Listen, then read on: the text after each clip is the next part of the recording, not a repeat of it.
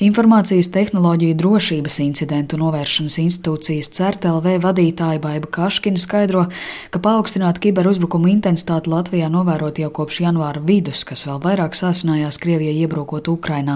Kiberuzbrukumos vājos posmus šobrīd meklē visos sektoros Latvijā. Gala lietotājs noteikti nav pamata mērķis, lai arī mēs redzam dažādas krāpnieciskas kampaņas un, un cilvēki arī diezgan daudz mums par viņām ziņo, bet ir uzbrukumi mūsu internetu pakalpojumu sniedzēja infrastruktūrām, bet nu, tās tomēr ir būvētas ļoti stabili un, un lielākajā daļā gadījumu nekādus efektus mēs nejūtam. Finanšu sektors, tātad bankas izjūt pastiprinātu uzmanību kibertelpā, dažādus mēģinājumus skanēt viņu tīklus, meklēt ievainojamības, meklēt kādus caurumus, bet nu, mēs esam ciešā saziņā un pašlaik nav nekāda pamata satraukties, ka būtu kaut kas sekmīgs noticis.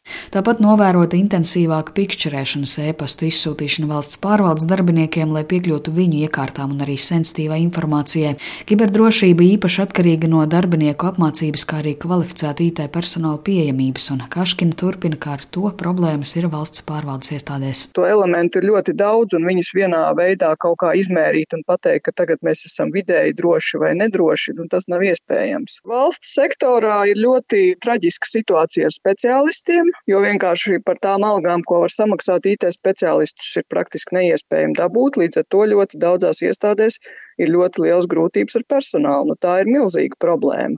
Sevišķi šādās krīzes situācijās, ja sevišķi ir incidenti, kuriem ir jāvelta vairāk laika nekā 8 stundas dienā, nu tad, principā, tie cilvēki vienkārši izdeg tie, kas ir palikuši. Tas ir arī viens no iemesliem, kāpēc, teiksim, valsts un publiskajā sektorā, es domāju, ka ir daudz vairāk to problēmu nekā mēs, teiksim, varētu saskatīt uzņēmumos, kas domā par šīm lietām, jo tur ir iespēja adekvāti samaksāt. Tā kā, nu, Tā situācija ir dažāda. Arī privātā sektora uzņēmumiem joprojām jābūt modriem, jo ārpus šīs krīzes iepriekš novērot šifrējošā vīrusa kiberuzbrukumi arī kokapstrādes pārtikas, rūpniecības un farmācijas uzņēmumiem ar mērķi izspiest naudu.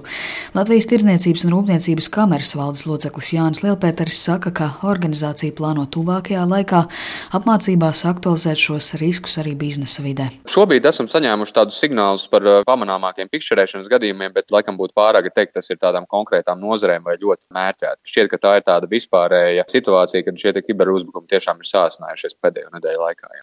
Nu, jāsaka tā, ka, protams, ka šobrīd tas jautājumu lokus, kas ir uzņēmējiem aktuāls, ir ļoti, ļoti plašs un zināmā mērā ir bažas par to, vai visu aktuālo citu notikumu kontekstā šis kiberdrošības aspekts kaut kādā mērā nepaslīd garām. Bet nu, šobrīd tādu ļoti izteiktu signālu nesam saņēmuši par kādiem kliedzošiem gadījumiem.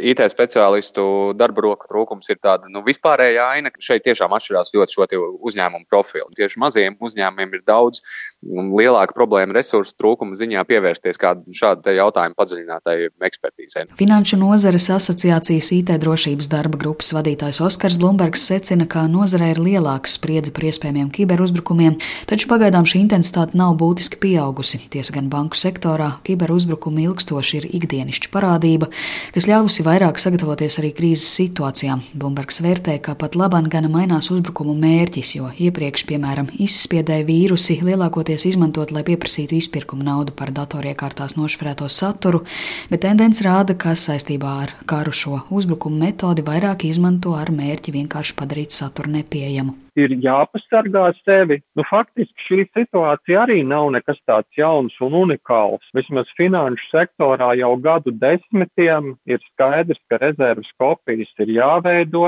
servisu atjaunošanas plāniem ir jābūt, jā, pie tā ir jāstrādā, tas ir periodiski jātestē. Vēl jau vairāk šobrīd arī normatīvi akti paredz, ka tādas darbības ir jādara. Tā, kā, tā iespējamība, ka kaut kas varētu notikt, jā, tiek uzskatīts, ka ir augstāk, un tam ir visnotaļ tāds pamatots iemesls. Kiberdrošības ieteikumus gan uzņēmumi, gan iedzīvotāji var meklēt CERTLV mājaslapā. Sinti Ambot Latvijas radio.